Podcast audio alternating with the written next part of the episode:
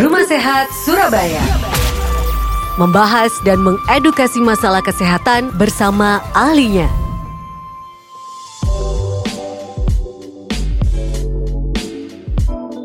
96 FM Merguri, sahabat dan seperti biasa, karena ini sudah pukul 11 waktunya Rumah Sehat Surabaya hadir menemani Anda, sahabat, di mana uh, Rumah Sehat Surabaya hadir uh, hasil kerjasama dengan Ikatan Dokter Indonesia Cabang Kota Surabaya menghadirkan para pakar, para ahlinya untuk bisa memberikan kita edukasi, informasi seputar kesehatan yang tentunya sangat penting untuk kita ketahui bersama supaya kita lebih aware ya sahabat dengan kesehatan diri kita, dengan kesehatan orang-orang yang kita sayang ya. Dan seperti biasa juga hadir uh, Ellen Pratiwi, sahabat yang akan menemani kita semua di perjalanan ya, uh, Rumah Sehat Surabaya kali ini ya. Saya sahabatnya Yanti juga. Oke, terima kasih Yanti. Dan tentu saja eh, tema-tema yang kita bawakan di Rumah Sehat uh, Surabaya ini di Mercury Radio selalu memberikan hal-hal yang luar biasa yang hmm. perlu kita ketahui lebih dalam karena bisa jadi kita hanya dengar sekilas-sekilas yeah. atau baca-baca yang bisa jadi itu adalah kurang benar, hmm. hoax dan sebagainya. Nah, kebetulan untuk hari ini kita temanya khusus nih. Yeah. Kita temanya timbang-timbang anakku sayang. Tentang perawatan bayi. Nah, ini uh, untuk yang hadir tentu saja ada seorang dokter yang uh, luar biasa yaitu Dokter Martono Triutomo spesialis anak konsultan. Assalamualaikum, selamat siang Dokter Martono. Waalaikumsalam. Ye, terima kasih sudah berkenan hadir di rumah sehat kali ini ya. Uh, kemarin sesuai dengan arahan dari Ketua ID Surabaya untuk bisa di, menghadirkan Dokter Martono karena selama periode kita bekerja sama kita belum pernah membicarakan yang khusus bayi. Ya, karena kan uh, selama setahun katanya ada baby boom. Nah, ah, ini persiapannya. Dan kemarin-kemarin juga uh, kita lebih fokus ke arah COVID dan yeah. sebagainya ya dari hmm. berbagai spesialis. Nah saat ini uh, mungkin jadi momen yang tepat uh, karena kekhawatiran baby boom itu mungkin yeah. sudah terjadi. dokter yang lebih tahu ini. bagaimana dokter saat ini dokter? Apakah benar kelahiran lebih meningkat hari ini atau bagi atau uh, bagaimana data terakhirnya?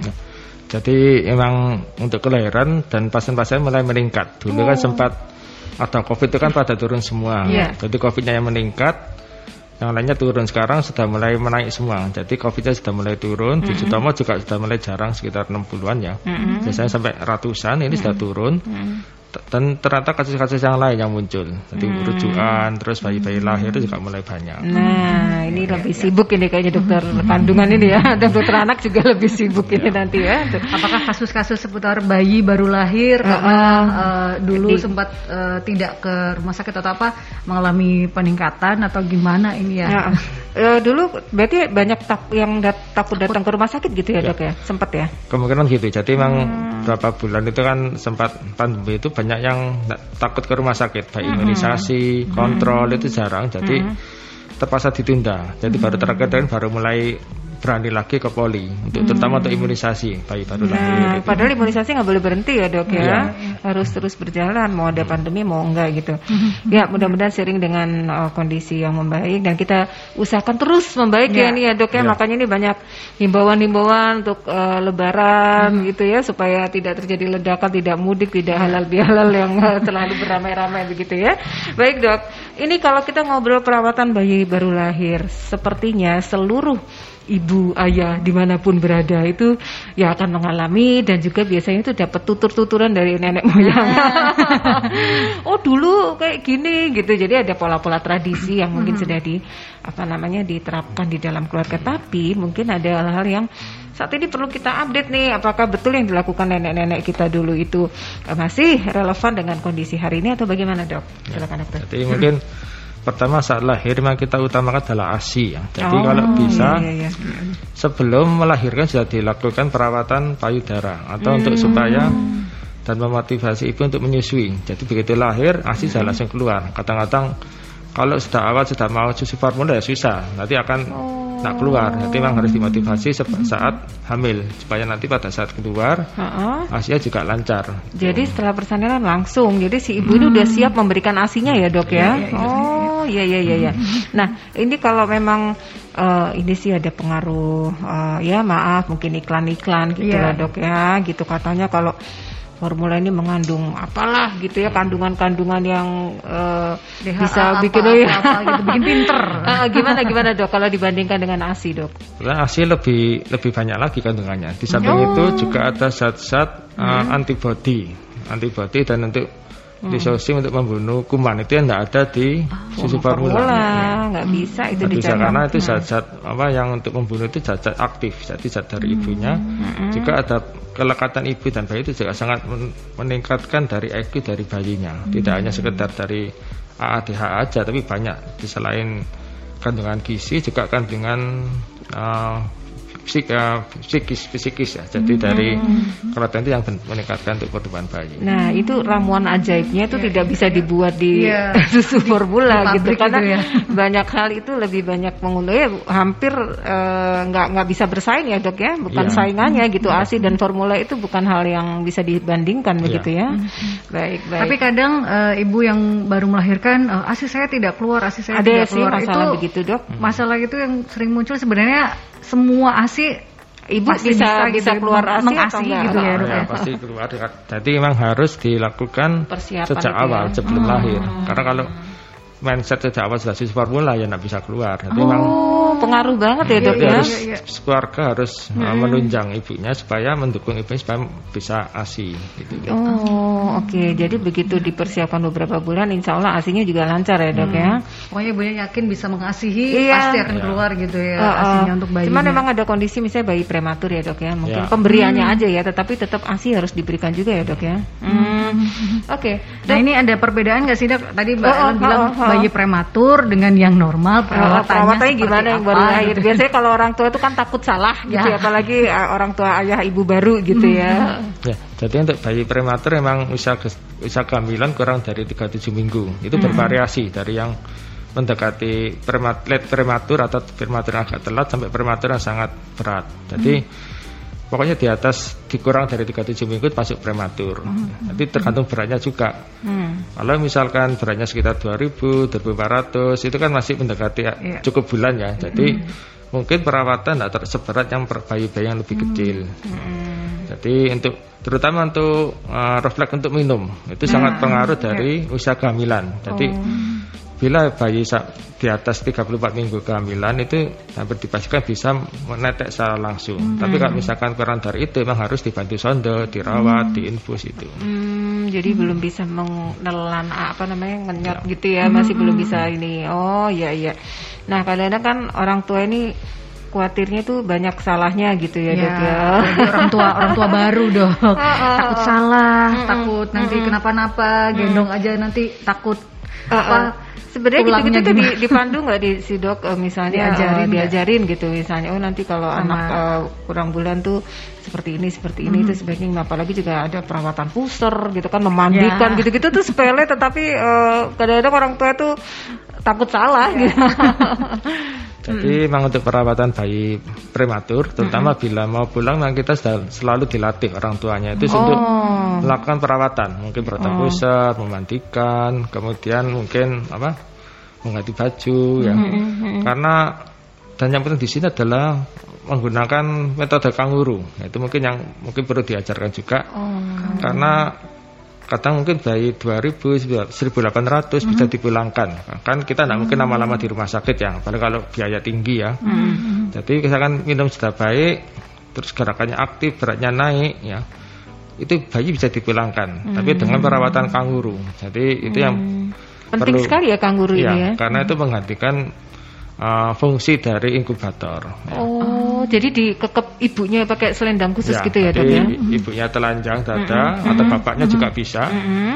ditempel di dadanya, kemudian mm -hmm. dipakai dengan selendang. Hmm, diikat jadi Diikat. kayak gantung di dada gitu ya? ya Ini tuh berapa jam biasanya dok? Minimal 2 jam, bisa uh. sampai 24 jam. Jadi minimal oh. 2 jam jadi bisa dilakukan terus ini ya, ya dok ya. Hmm. Kalau seperti itu masih perlu mandi nggak sih dok? Bayi itu khawatir kan iya kayak manusia udah dewasa gitu jadi mandinya dua kali sehari ya. gitu. Nah kalau bayi-bayi seperti itu baru lahir apakah harus tiap hari dimandikan atau hanya diseka saja itu? gimana bayi tergantung usia ya. Kalau misalkan kita anu mungkin diseka lebih aman ya. Kalau hmm. masuk air itu kan resiko kedinginan kepanasan yeah. mending diseka lebih enak karena mm-hmm. kita bisa merasakan airnya karena kadang-kadang ada yang terlalu panas malah luka bakar Waduh, nanti. iya hangatnya itu ya. ya. Oh, oh, menurut ibunya mungkin hangat oh, tapi, oh, tapi menurut bayi iya. tapi oh iya betul juga ya dok ya jadi bingung juga ini nah itu dok boleh basah nggak sih dok itu pusernya itu kan kadang-kadang khawatir karena ada centelannya apa ya. cepretan itu terus kiwir-kiwir gitu kita tuh kalau kena air gitu kan ya. suka takut gitu dikasih alkohol ditetes-tetes gitu gimana dok? Jadi untuk perawatan pusar memang ada beberapa macam ya. Jadi bisa dengan triple dye. Triple dye itu seperti warna biru. Ada beberapa macam yang pakai itu. Atau metode kering. Metode kering itu ya dirawat biasa. Habis nanti disabuni. Begitu kena pipis atau kena BAB, yeah. dibersihkan langsung disabuni atau langsung dikeringkan daerah hmm. situ. Atau juga pakai alkohol. Alkohol itu harus yang model swab, tapi harus di Pak di saat bukan yang oh, cairan yang gitu ya. Itu ya dok. Kalau ditetes itu resikonya apa? Resikonya akan menguap tinggal airnya, itu yang malah bahaya. Jadi oh. kita lebih aman yang biarkan aja. Yang swab itu, yang swab itu ya. Swab yang... itu kan kadang kan uh, terjamin ya, ya. kan tidak mungkin menguap. Tidak terlalu banyak. Uh. Dibersihkan itu aja sudah cukup. Oh, ini zaman udah ya. modern kalau ya. zaman dulu kan kita pakai kapas-kapas pakai kapas itu. Iya iya dok. Nah untuk bayi baru lahir itu uh, vaksinasinya juga harus uh, segera diberikan ya dok ya. Ya. Kenapa dok harus diberikan? Ya. Kasian kadang-kadang anak kecil disuntik-suntik itu nggak tega maknya. Biasanya memang baru lahir langsung kita lakukan vaksin hepatitis B. Oh, ya. itu dulu duluan ya dok ya? Karena itu akan yang fungsinya adalah untuk mencegah penularan dari hmm. ibu ke hmm. bayi ataupun dari bayi ke sekitar, dari ibu ke sekitarnya untuk oh. penularan dari situ. Okay. Setelah itu baru nanti setelah kontrol, setelah kontrol baru kita atur ya mungkin vaksin polio, hmm. mungkin BCG, BCG, BCG satu bulan, setelah hmm. hepatitis lagi usia dua bulan dan diulang diulang oh. saat kontrol. Itu memang yang sudah vaksinasi wajib ya dok ya. ya. Jadi jangan sampai dilewatkan ya. Hmm. Tapi rata-rata mungkin tempat-tempat persalinan sudah menyediakan itu atau bagaimana dok ya? Sudah, sudah. Jadi memang hmm. untuk BCG biasanya memang diatur ya. Jadi ada hari khusus karena sekali buka untuk beberapa pasien. Jadi hmm. itu kadang-kadang mungkin loh, saya pengen sekarang nggak bisa bang, jawabannya segitu. Jadi nah, harus ada dosis tertentu yang hmm. uh, satu ampul itu untuk berapa pasien ya, gitu ya dok ya. Berapa cc dok biasanya kalau anak-anak eh, bayi-bayi gitu dok? Kan cuma satu cerut gitu aja mungkin bayangan kita tuh satu ini satu ampul. Nggak sampai ya dok ya. Oke. Okay. Itu biasanya ada efek-efek demam gitu ya dok ya? Demam itu vaksin yang DPT biasanya. Oh, DPT. kalau yang itu tuh udah nggak ada demam ya. Berarti kalau demam berarti ada masalah dengan bayinya. Ya. Karena kadang orang tua takut habis divaksin kok badannya demam ya, gitu. Betul. Ada makanya ada beberapa orang tua tuh yang, yang tidak usah divaksin. Oh, ya. Gimana dok menghadapi kita, yang anti vaksin gitu dok? Vaksin itu sebetulnya anu ya, justru malah membahayakan anaknya sendiri karena hmm. dia benar-benar nah, sistem imunnya tidak terlatih. Itu kan untuk melatih sistem imun supaya siap menghadapi penyakitnya sebenarnya. Mm-hmm. Jadi begitu vaksin penyakit itu datang langsung sistem bergerak. Nah ini kalau misalkan tidak divaksin otomatis kan terlambat geraknya, telat. Yeah. Gitu. Meskipun prematur juga diberikan vaksin yang sama dok? Oh, vaksinnya sama, cuma mungkin nunggu beratnya agak besar ya. Jadi mungkin oh. pertama lahir diberi hepatitis B nanti sistem terkait 2 kilo kita vaksin lagi saudara. Hmm, hmm. Nah ini yang banyak juga untuk ibu-ibu baru uh, antara baca informasi yang ada atau menuruti kata orang tua penggunaan gurita dok. Oh, ya. ya itu kan turun temurun. Nah tapi ada di kadang baca supaya perutnya ya. nggak ya. besar katanya bayi perutnya nggak boleh besar. itu gimana penggunaan gurita pro kontra kan ya dok? Iya gimana dok? Jadi kita sekarang mungkin gurita sudah mulai ditinggalkan ya. Oh, Kenapa? udah nggak pakai. Karena lagi. nanti kalau membatasi minumnya bayi satu kemudian kalau dia terlalu seret akan bayinya akan gumoh muntah nah, muntah kan masuk ke paru ya, oh kasihan ya dok ya oh. Waduh nyancangnya nah. susah loh itu loh ada berapa lapis ini ini juga yang harus diketahui uh, nenek kakeknya ya terutama ya, neneknya kan udah update makanya kalau ya. ke dokter biasanya diajak juga ya dok ya biar ya. tahu info terbaru gitu ya. bahwa udah nggak ada yang jual lagi mungkin udah jarang ya dok ya gurita itu karena itu tadi bisa bahayanya tuh apa dok bisa membat membatasi apa ya asupan ke perut ya, ya. asupan kan oh. kalau seperti ke aneh ketekan perutnya yeah. nggak bisa berkembang. Mm -hmm. terus nanti kalau terlalu banyak bisa muntah. Nah yang banyak kan muntahnya nah itu. muntahnya itu bahaya ternyata ya benda ya. Jadi jangan sampai si bayi ini merasa perutnya ditekan-tekan. Ya mm -hmm. kalau kita dewasa sih mungkin bisa yeah. ini ngatur ya. Tapi kan kalau bayi kita nggak tahu, tahu. takutnya masuk ke paru tadi ya dok ya? Yeah. anak saya kok gumoh terus gitu. Ternyata perutnya diikat. Nah ya itu ya sebenarnya asupannya uh, kurang tapi ter karena terlalu ketatnya itu yang memang jadi penggunaannya sudah ditinggalkan saja ya. seperti ya. Jadi ASI itu dilanjutkan sampai dua tahun itu betul ya dok ya berarti ya? ya? tetap dua tahun. Memang oh. eksklusifnya enam oh. bulan pertama. Setelah hmm. itu kan tambah macam-macam makanan tambahan. Jadi enam bulan itu tidak boleh pakai pisang pelepon. Eh, ah, pisang pisang kepok ya apa sih? yang di keret-keret itu pakai ya, pakai sendok itu. Ya, ya. Nggak boleh ya dok ya? Nggak boleh. Jadi, Aduh tuh nenek-nenek kita masih ya, umur, begitu. Umur, umur tiga oh. bulan kadang kan ada beberapa ya dok ya. Oh, masih ada yang ini ya. gitu pakai gitu itu supaya kenyang gitu, katanya kan? bayinya itu kenapa karena karena untuk pisang sendiri tidak bisa dicerna otomatis masih belum bisa ya kasihan banget nanti, nanti kalau kita foto itu masih bentuk pisang dan itu Loh, oh. resikonya bisa bocor ususnya malah bahaya tolong jangan ya ya iya, ya, ya. asi aja ya. jadi enam bulan tuh full asi udah iya. nggak ya. usah dikasih yang lain-lain dulu ya. gitu ya Oh, jadi itu bahaya banget ya memberikan masukan buah-buahan sebelum umurnya itu. Apalagi satu bulan udah dikasih pisang. Iya. Aduh, aduh. Eh, pisang sama nasi kadang dok. iya kan, iya, iya. supaya nanti kalau nggak nangisan iya, ini enak. Supaya kenyang diem gitu dok katanya. Ada kalau uh, lapar asi lagi, lapar iya. asi lagi gitu aja cukup ya dok ya. Cukup, hmm. Mungkin bunda-bunda ini ya khawatir, rek kok minum terus gitu, iya. terus makannya kapan gitu. Nggak apa-apa ya dok ya asi itu. Apa asi memang kalorinya cukup. Uh, hmm dari kalorinya kan 67 kalori per 100 cc itu sudah cukup untuk penurunan bayi. Hmm. Dengan jumlahnya mungkin sehari bisa sampai 300 sampai 500 tergantung minumnya bayi itu. Hmm, soalnya kan takutnya itu kalau ya. anak tidak gemuk montok ya. gemul pipinya mecungul gitu tuh. Kayak bapak gitu. Itu kayak gak, kok kayak anaknya nggak di gak ini? dirawat gitu. Malah justru asi itu ada yang banyak gemuk juga loh. Oh. asi full asi malah banyak gemuk. Oh gitu. Oh. ya, justru memang. ada yang uh, maksudnya efek ketujuhnya. Ya, oh. banyak sekali. Kalau produksi asinya banyak itu tetap bisa gemuk bunda. Hmm. jadi uh, jangan khawatir bahwa kalau asi aja itu tidak bikin anak jadi lebih besar ya. tetap bisa tumbuh lah gitu bayinya. Yang terpenting uh, asupan yang uh, mm-hmm. pabrik asinya. Ibunya ya dok ya, ya harus ya. makan apa ya dok ya? Iya. Biasanya disarankan apa dok kalau ibu yang kasih? Nah, makanya sebenarnya bebas ya, bebas. Oh. Yang penting ada alergi. Tapi begitu ada alergi, mungkin bayinya jadi merah-merah itu harus ibunya harus tara kalau pakai hmm. ASI. Tapi kalau misalkan ada masalah itu bebas makanya bebas. Hmm, ya ya ya dijaga aja ya kecuali hmm. ya itu tadi yang pantangan-pantangan yang secara umum hmm. maaf kemudian ya. alkohol, rokok dan sebagainya nah, kita ya. tahu lah itu nggak nggak hmm. bagus gitu buat bayi ya.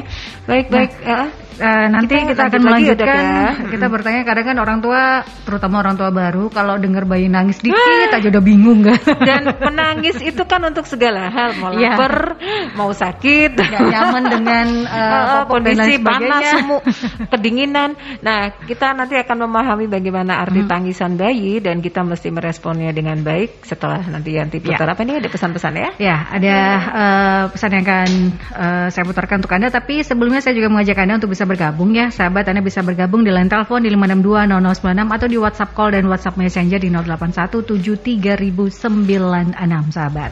Rumah Sehat Surabaya akan kembali setelah yang satu ini.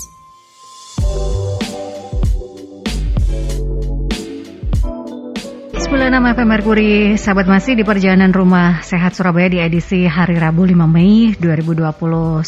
Sahabat bersama dengan Dr. Martono Tri Utomo, spesialis anak konsultan, sahabat dengan tema perawatan bayi baru lahir, oh, ya. Oh,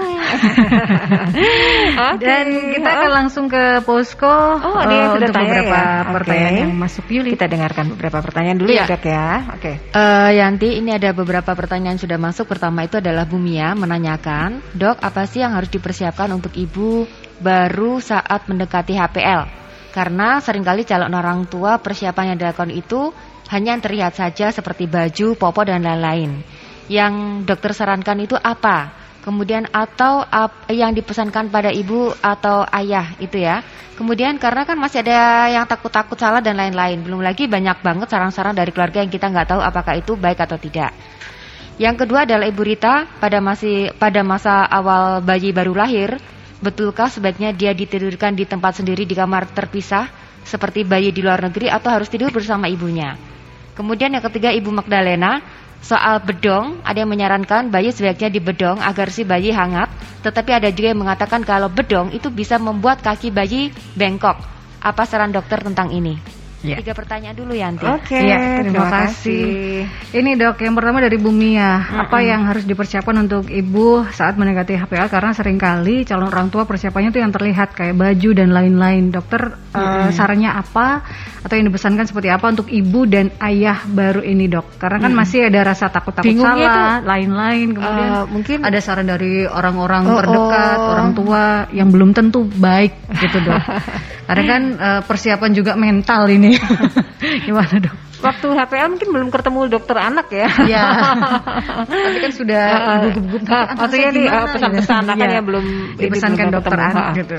Yang ya. penting apa yang penting disiapkan dok? Jadi memang pada saat mau kelahiran memang sering beli-beli baju ya. Iya. Banyak yang nggak penting-penting dibeli sepatu-sepatu lah, padahal belum tentu dipakai ya. gitu kan. Jadi sudah mempersiapkan apa mentalnya ya, mental hmm. karena kita tidak tahu ya lahirnya itu bisa lahir baik, lahir hmm, jelek itu kan iya, iya. tergantung ya. Hmm. Sama uh, untuk persiapan untuk ASI supaya bisa hmm. berhasil. Jadi hmm. harus yakin mana keyakinannya, kemudian ditunjang semua keluarganya untuk untuk apa pikirannya adalah ASI. Karena hmm. saat lahir memang kalau lahir spontan biasa Memang sebenarnya spontan ya, misalkan kecuali ada indikasi harus operasi, memang harus operasi. Tapi ya, kalau misalkan bisa sebaiknya spontan. spontan lebih baik spontan. Hmm. Kemudian juga untuk merangsang ASI, memang kalau bisa mas sudah diinginkan untuk IMD, inisiasi menyusui dini. Hmm. Jadi yang bayi lahir langsung di, kalau bayinya stabil bisa langsung diletakkan di perut ibunya. Hmm. Nanti dia akan mencari puting susu. Hmm. Jadi itu juga akan menyebabkan um, produksi ASI juga lancar nantinya. Hmm. Jadi yang dipersiapkan itu adalah preparing memberikan asupan ASI kepada bayinya ya. gitu untuk ya. barang-barang itu menyusul aja hmm. gitu ya dok ya. Itu biasanya kan apa anak-anak kecil tuh takutnya cekukan atau apa gitu. Oh apa sih istilahnya Jawa tuh? Terus dikasih kemiti sama oh iya iya iya, iya. takutnya kena sawan gitu-gitu loh dok. Jadi persiapannya tuh yang tradisional iya, begitu. iya, sebenarnya nggak penting ya kalau misalnya ada apa namanya ada bayi yang menangis nggak berhenti kemudian ada yang cekukan gitu itu kan sebenarnya bukan horor gitu ya dok ya. Artinya itu ada sesuatu yang bisa di analisa ada diagnosa gitu. gitu ya dok ya. Gimana dok jadi untuk bayi yang cegukan kemudian itu memang kita bisa menenangkan itu mungkin biasanya karena kurang tenang jadi hmm. sebenarnya kita harus yang disiapkan adalah itu harus justru perlu cuci tangan cuci tangan sebelum hmm. sudah megang bayi itu nah. kadang-kadang mungkin lupa ya, tapi ya. kalau ada covid gini pasti sudah punya ini ya, sanitizer ya mesti karena ada covid ya tapi ada untungnya juga ada covid ya jadi, jadi kita terbiasa gitu ya oh. hidup bersih sehatnya lebih itu lagi ya dok ya? oh. ya memang oh. itu sebenarnya untuk bayi memang harus kita harus sering cuci tangan sebelum sebelum sudah megang bayi -hmm.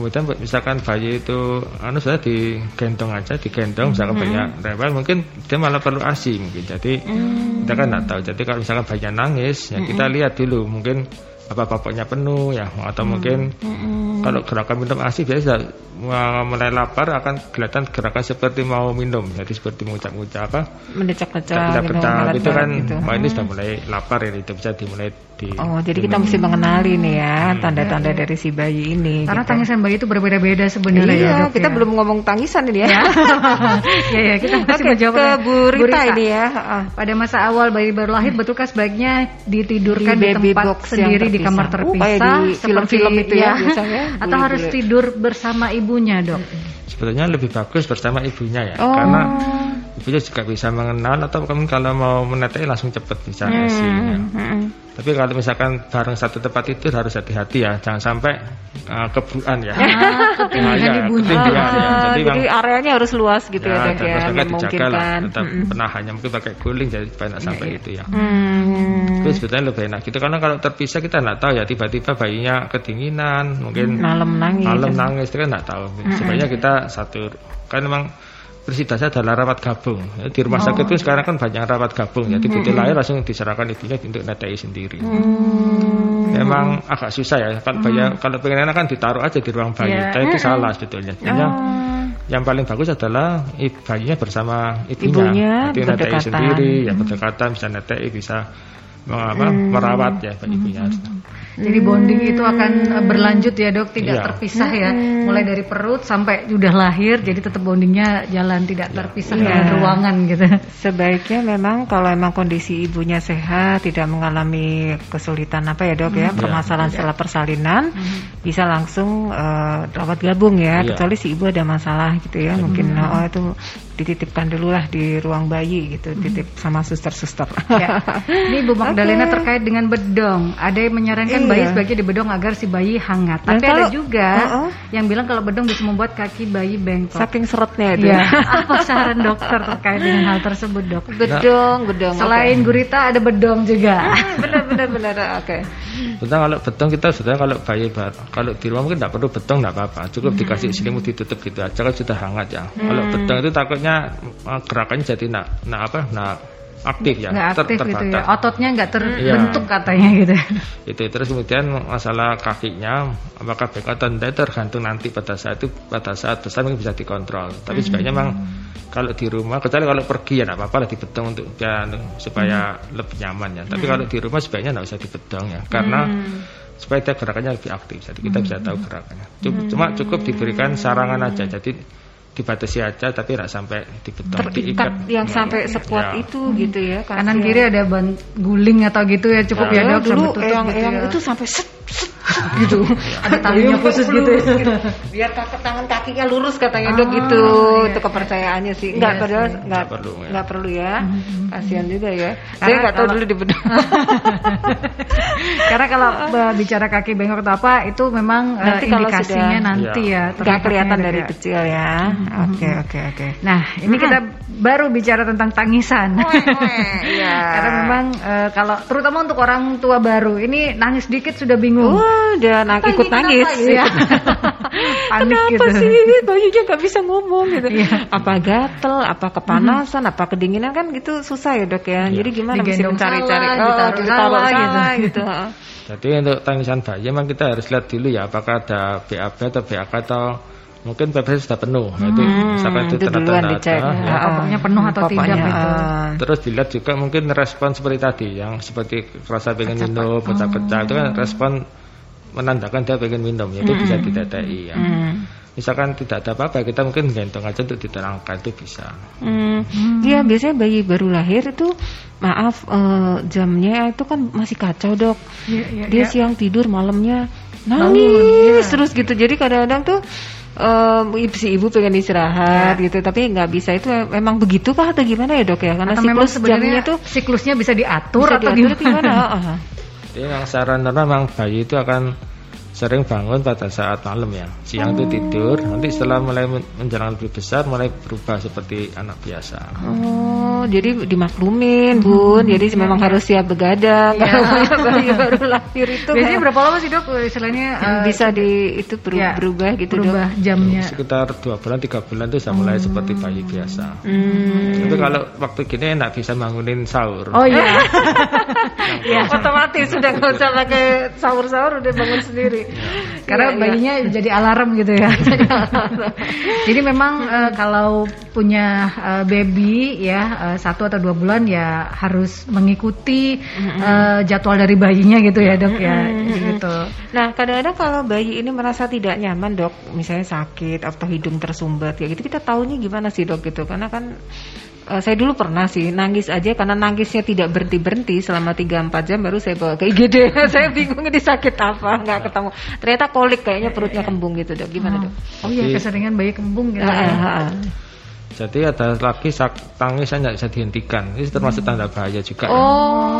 Bisa tangis digendong, berhenti ya Ah. sudah. Misalkan dia nangis terus, di apa di di digendong nggak bisa, dia nggak mau diam itu berarti dia menandakan ada kesakitan. Jadi Hmm. kesakitan sering adalah kolik ya. Mm-mm. Hmm, jadi kalau nangisnya tidak berhenti berkepanjangan artinya ada sesuatu segera Kalau menuju ke tiga dokter. jam empat jam sudah. Iya, Oh, kalau oh, kalau misalnya nangis digendong diam berarti itu sudah selesai masalahnya. Ya. Diganti popok diam selesai masalahnya gitu Tapi ya. kalau sudah digendong salah kemudian juga ditidurkan Nah. berhenti mungkin sampai durasinya lama, artinya ada sesuatu ya dok ya. Oke Nah, oke. biasanya bayi kembung dok. Ini kenapa? Gitu. Mm-mm. Apa kebanyakan minum atau Ya. gimana dok? Jadi kembung itu biasa karena reaksi gas karena kadang-kadang ada riwayat alergi. Jadi kadang-kadang sering kita berita orang tuanya kalau dia minum ASI, ASInya mungkin ibunya harus tarak, tarak hmm. makan makanan yang alergi ya. Mungkin biasanya sering adalah mungkin ikan, telur, hmm. ayam gitu ya. Jadi hmm. menghindari itu supaya mengurangi kembungnya itu. Oh, bisa jadi karena alergi. Oh, Tapi maaf, ya, mungkin karena uh, kalau yang ibu-ibu yang tidak ASI, anaknya pakai dot, dotnya sudah kosong, ditaruh mulut. Nah, nah itu juga bikin bisa kembung juga. Kembung, ya. Hmm. Iya, kan nggak kerasa gitu ya. Hmm. Apa namanya? Anaknya nyedot angin gitu. Ya. nah, okay. kita ke posko lagi iya, untuk ya, tambahan informasi lain. Yuli. Ya, Yanti ini ada satu pertanyaan dari Ibu Gizela soal merawat bayi kalau di Indonesia selama ini hanya ditekankan kepada para ibu atau istri. Padahal dukungan dan suami itu sangat diperlukan. Jadi, okay. apa yang harus dilakukan oleh para ayah terkait perawatan bayi baru lahir? Apakah dokter punya saran untuk para ayah? Nah, ikut ikut ikut begadang untuk ayahnya. Ini gimana dok? Emansipasi ya. pria. Oke, okay. silakan dok. Karena selama ini ibu dan istri iya, yang merawat. Itu 100%. Ayah ini gimana nih? Ayah, ayah kalau udah pulang kerja kan tidur. Ya. gimana dok? Baik, jadi ayah sudah bisa menunjang ya. Mungkin membuat supaya istrinya senang itu aja. Oh. Itu kan oh. jangan sampai misalkan nanti kalau perlu ya dibantu ya. Misalkan mungkin seperti gendong guru tadi ya. Gendong guru, kemudian hmm. mungkin nyuci-nyuci yang pekerjaan mungkin pekerjaan rumah tangga ya. Kadang-kadang ibu diringankan lah si ya, ibu ini ya. Kan ibunya biasanya nyuci-nyuci baju apa itu kan hmm, hmm habis melahirkan mungkin berat ya mungkin bantu ya. itunya mungkin nggak bisa hmm. secara langsung membantu berkontribusi dalam di bayinya kontribusinya gitu. ya. Hmm, ya paling nggak cuci piring hmm. setelah makan sendiri gitu ya karena ya. memberikan ya. nasi juga nggak mungkin ya. maksudnya memberikan karena, oh iya saya tuh pernah ini dok ada tawaran satu sofa yang khusus katanya untuk ibu menyusui gitu dan itu harganya lumayan mahal nah, jadi bisa disenangkan ayahnya gitu ya karena emang bener-bener enak dok duduk di kursi itu dok nggak usah menyusui gitu. apa itu juga bentuk perhatian seorang ayah disiapkan tadi kan tadi dokter Marta bilang menyenangkan istri iya karena mungkin posisi menyusui ini juga penting kan dok karena yeah. kalau salah posisi nggak ketemu baik asinya nggak oh. keluar bayinya nggak bisa nyedot kan itu ada tekniknya juga dok Kait, hmm. katanya kursi yang istimewa ini bisa menyamankan ibu duduknya nggak capek lah apalagi tapi perlu seperti itu dok sebetulnya nggak perlu kursi yang bagus banget istimewa ya yang ya. secukupnya aja yang hmm. penting justru posisi menyusui itu akan biasa akan dilatih oleh bidan tapi kita bisa menyarankan biasanya pada saat ibu menyusui atau bayi menyusui itu harus mulutnya terbuka lebar ah, terus okay. kepala eh, badan bayi mm -hmm. nempel di perut ibu perut ibu jadi bayi, jangan terlalu jauh dari ibu jadi, ya perut bayi nempel perut ibu jadi oh. nempel gini uh -uh dan supaya kepala tidak noleh. Jadi kalau oh. nyusi nggak boleh bayinya kepalanya noleh. Nanti oh. nah lanjut kan itu harus posisi lurus. Jadi supaya lurus ya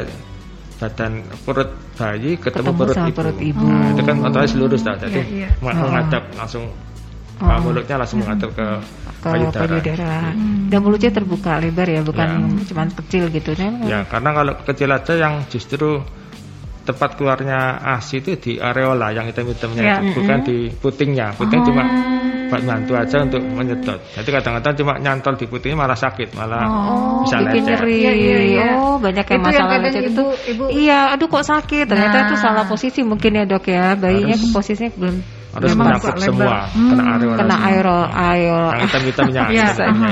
oh iya iya iya ya. nah ini apalagi tuh bayi satu kalau bayi kembar sayang aduh gimana nah. rumitnya dok ya kan kanan kiri bisa ya dok ya? bisa, bisa keluar ya soalnya kan kalau ibu bayi satu kan kadang asinya kanan dikosongin ganti ya. yang kiri uh -huh. kiri penuh kanan gitu gitu kan dok ya hmm. Kalau bayi kembar gimana dok? Bayi kembar bisa menyusui berbarengan bersama-sama. Oh bisa bersama-sama itu bisa ya. keluar ya dok ya? Bisa. Hmm. Jadi yang kuasa Allah jadi kalau kembar aslinya juga banyak sebanyak ya, itu. Oh. Ini dulu kebutuhan-kebutuhan anak gitu ya. Sudah ya. dipersiapkan ya berarti ya. Dulu memang saya ada perawat dulu pernah merawat bayi kembar lima di situ mungkin uh, pernah tahu. Oh ya, ya itu heboh ya. banget ya. itu. Aslinya banyak sekali itu. Oh syukurlah kalau gitu berarti mencukupi ya dok ya. ya cukup sama anaknya itu gitu. Oh sekarang sih udah besar besar kayaknya dok ya. ya. Dan itu jamnya bergantian mungkin. Ya.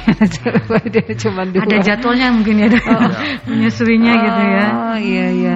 Iya tuh malah ini ya, maksudnya senang juga, hmm, cuman ya. per, butuh kesabaran barangkali untuk mengurus hmm. begitu. Memang kalau mengasihi itu ada latihannya ya dok ya, ya. jadi ibunya ya. telaten, Harus anaknya juga telaten gitu ya, ya dok. Ya kadang bikin frustrasi juga karena mungkin si anak belum cepat Belum bisa. be- Hmm. beradap apa menyesuaikan gitu-gitu. Kadang si ibunya nangis-nangis sendiri belum Iya. lagi apa baby syndrome gitu kan. betul, Ibu betul. dokter ya biasanya Iya. ibunya tuh sedih sendiri padahal nggak ada Belum lagi apa-apa. lihat badannya gitu ya. Itu kan- Ya si ibu nggak boleh diet ya dok ya kalau habis melahirkan ya. Iya. Iya bebas saja makanannya kecuali ada alergi tadi. Oh, Kan karena ibu pengen langsing gitu loh dok. Habis melahir- itu dietnya kapan sih dok? Setelah asi selesai gitu kah dietnya? Biar Ya. lebih kurus gitu maksudnya. Jadinya nanti ya, kalau masalah kurus ya biasanya nanti tergantung dari ini. Kalau hasilnya selesai, dia kan akan uh, melakukan adaptasi sendiri, bisa Oh. sendiri. Hormonnya akan kembali lagi gitu Iya, ya. Natural sendiri, jadi nggak perlu dilangsing-langsingin dulu gitu.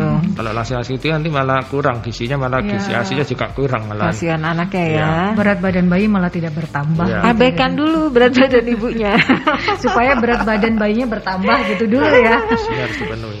Ah, oh ya dok, saya pernah dengar cerita ada bayi kuning Ya. gitu ya. Itu kenapa sih dok? Itu kalau bayi kuning nggak boleh pulang dulu katanya sama dokter ditahan dulu di Atau rumah kadang pas di rumah ternyata kuning mengalami bayi lari-lari kuning. Ya, Oh, oh. terus Mm, mesti opname atau enggak sih dok buat bayi kuning? Jadi untuk bayi kuning memang kita biasanya kita cek ya, misalkan oh kelihatan kuning, biasanya kita cek untuk kadar bilirubin harus dipastikan. Itu tes lab gitu ya, Tes cek lab, darah. nah, karena Oh. kita tidak bisa memastikan kuningnya ini seberapa tinggi. Nanti kan Oh.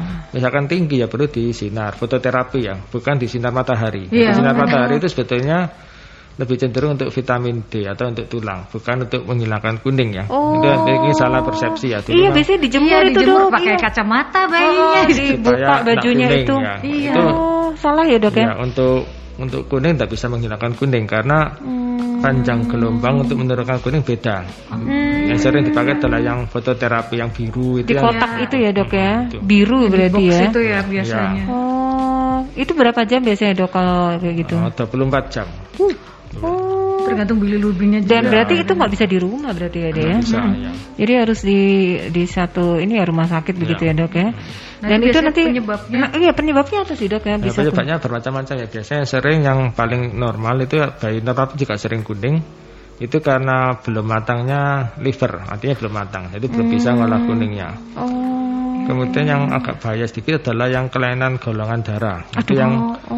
munculnya biasanya kuningnya pada hari pertama sudah muncul sebelum sebelum 24 jam sudah muncul kuning itu yang harus Jadi kita baru lahir gitu sudah Hmm. Mm-mm. Jadi itu kayak bayinya Nerina Zubir itu. Zubir ya. dulu pernah. Mm-mm. nah, itu biasanya ada kelainan golongan darah itu bisa. Mm. Jadi Mm-mm. harus dicek. Oleh karena itu kadang-kadang kita mungkin mengontrolkan bayi tidak terlalu biasa kan seminggu baru kontrol. Kita Mm. lebih aman kita buat dua hari setelah pulang kita kontrolkan. Jadi Hmm, nggak nggak terlambat gitu hmm, dok ya. misalkan ada kuning pun yang cepat bisa kita segera terapi. Oh begitu. Kadang orang tua kan nggak tahu kuning apa enggak. Ya kan Iya, kota iya. dokter kan tahu misalkan oh ini waktunya kontrol waktunya fototerapi itu harus cepat. Hmm. Setelah pulang dua atau tiga hari tuh Ya, harus ya, kontrol gitu kontrol ya. lah. Dok. Kadang-kadang kita jadwalkan oh terlalu lama ya.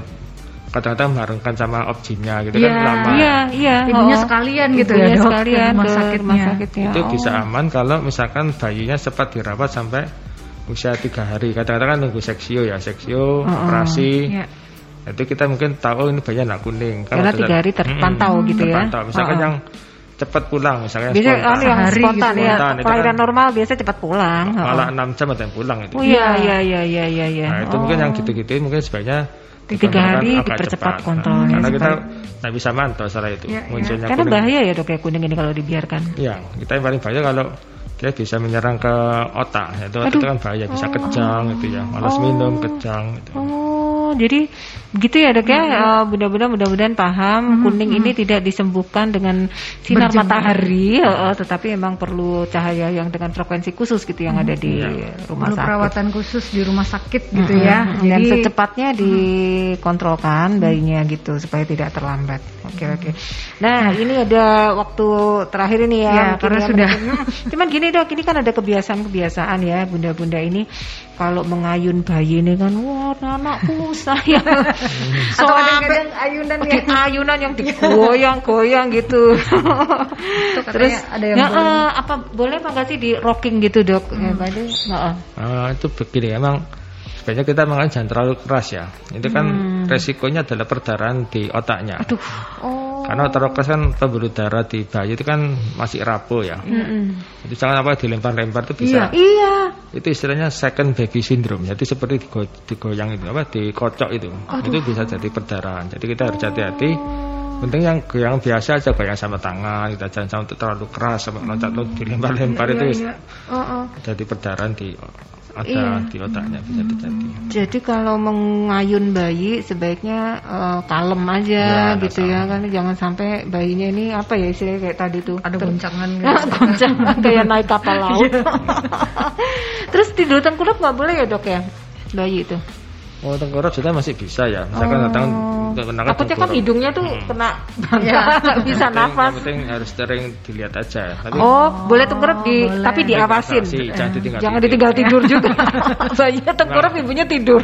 Bahaya. paling aman emang tidur ini, Terlentang aja. terlentang ya. Kalau itu biasanya tengkurap itu kalau habis minum ya mungkin ditengkurapkan itu bisa untuk supaya lebih cepat masuk. Mm-mm. Sebetulnya kita awasi karena nggak mungkin tengkurap lama-lama tertutup kan bisa Iya, bahaya juga ya dok ya. Oke. Tengkurap kan harus pastinya kepalanya harus miring kan, nggak Iya. boleh, Oh.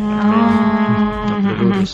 Ini ada lagi tuh kalau di luar negeri anak bayi-bayi itu udah dimasukin air dok berenang gimana Ya. sih boleh nggak sih dok?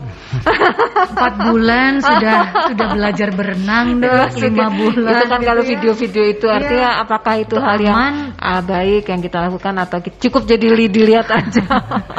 Karena orang kita tuh apa namanya kadang-kadang suka tiru-tiru Iya, gitu. apa jadi tren gitu. Heeh. Sebetulnya kita lebih aman yang nggak usah terlalu atau terlalu ambisi seperti itu ya. Oh, kita iya iya iya iya. biasa aja, nanti ada waktunya untuk berenang ada. Sebetulnya dia punya refleks sebetulnya untuk refleks untuk berenang itu Iya, ada. anak itu ditenggelamin balik sendiri memang di video itu ya, tapi itu enggak jangan coba-coba deh gitu Iya, kalau. nah, memang ada refleks swimming refleks itu masih ada cuma kita kan nggak pernah nggak tahu kapan itu bisa hilang itu kan memang Iya, refleks refleks primitif jadi Oh. swimming refleks itu masih refleks primitif tapi kita sebaiknya ya nggak usah coba-coba tak, karena takutnya sewaktu-waktu refleks itu hilang kan ada waktu refleks itu hilang jadi pas hilang malah tenggelam baginya Hmm, ya, mending- aman ya, mending jangan dulu lah. Jangan coba-coba lah ya. Buat Ya, anak aman-aman. coba-coba. Aman-aman aja nanti saatnya bisa berenang ya berenang saja Iya, nanti nggak usah terlalu dini lah bayi-bayi disuruh berenang. Oke, Ini terima kasih. terakhir dok eh, pesan-pesan bagi para ayah bunda eh, supaya buah hatinya bisa Tetap sehat, Ya, nantinya. dok ya. Perhatikan bayi-bayinya jangan terlambat vaksin mungkin ya dok ya. Nanti kalau terlambat juga gimana? Apa diulang atau didobel atau gimana Iya. dok? Jadi untuk vaksin-vaksin terlambat terutama kalau pandemi ini ya kan sampai enam bulan nggak vaksin Ya, tetap bisa dikejar. Jadi misalkan misalkan sekarang enam bulan belum vaksin DPT, hepatitis tetap mulai nggak usah diulang yang sudah diberikan nggak usah diulang, dilanjutkan aja sesuai jadwal yang belum. Dan biasanya selang antar vaksin adalah empat minggu minimal. Jadi nggak bisa pengen ngulang terus satu minggu satu minggu ya nggak bisa harus ada jangka waktunya minimal empat minggu. Misalkan DPT 1 ke DPT 2 empat minggu lagi empat minggu lagi. Oh gitu. Jadi konsulkan dengan dokter anaknya supaya tidak terlalu terlambat ini apa namanya vaksinasi yang mengejar ini. Pesan-pesan sehat yang lain dok untuk eh, apa namanya supaya bayi Ini untuk tetap ibu-ibu sehat. yang Apakah ini terus anak-anak kan sekarang pada bawa dibawa ke mall Ya. gitu. Ini oh, oh, mau beli baju lebaran katanya. Gimana dok? Jadi untuk ke mall atau pergi-pergi memang sebaiknya nggak usah dulu ya. Mending yang pergi bapaknya aja karena rawan sekali ya. Terutama kita memang sekarang ini memang untuk pandemi Covid sudah mulai turun, tapi bila kita tidak hati-hati akan meledak lagi seperti India. Jangan sampai terjadi itu ya. Jangan sampai dok ya. Jadi kita usaha prokes tetap dan untuk ke mall biasanya memang resiko sekali. Terutama kalau bayi kan tidak bisa pakai masker ya neonatus. paling bisa paling pakai face shield. Dan itu masih ada resiko karena tidak tertutup. Karena kalau pakai masker pun akan jadi sesak. Kan tidak bisa se- bukan seperti anak-anak ya. Ada respon yang dia menyebabkan sesak. Jadi kita lebih baik memang di rumah ya kalau ini ya Nah, begitu. Tahan dulu. jalan-jalan di halaman depan rumah aja untuk Iya, yang bayinya aman, gitu ya. jangan di tempat yang keramaian seperti itu yang memungkinkan bisa terpapar gitu ya dok ya. Baik, mantap. Terima kasih dok. Terima kasih dok Ayo informasi dari yuk. Oke, mudah-mudahan juga dapat ilmunya ya, ya.